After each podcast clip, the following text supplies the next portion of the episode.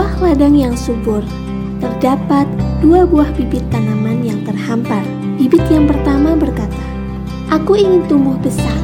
Aku ingin menjejakkan akarku sangat dalam di tanah ini dan menjulangkan tunas-tunasku di atas kerasnya tanah ini.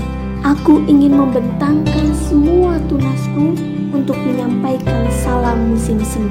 Aku ingin merasakan kehangatan matahari serta kelembutan embun pagi di pucuk-pucuk daunku. Aku berani karena aku ingin tumbuh besar dan menjulang.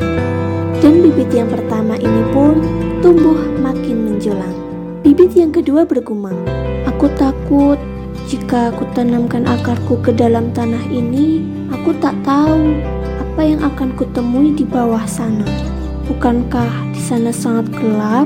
Dan jika ku teroboskan tunasku ke atas, bukankah nanti keindahan tunas-tunasku akan hilang?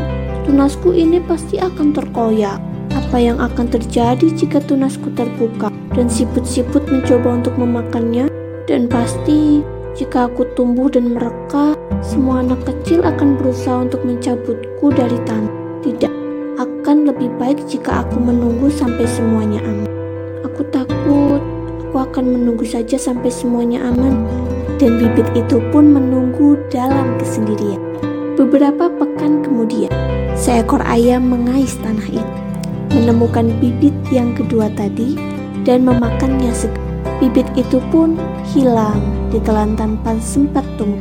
Rasa takut hanya akan membuat kita lemah dan kehilangan kepercayaan diri. Berpikirlah berani, karena rasa takut akan tunduk terhadap keberanian. Beranilah bertindak ketika kita tahu itu benar dan harus dilakukan. Seperti motoku, jangan ragu, lakukanlah daripada tidak sama sekali.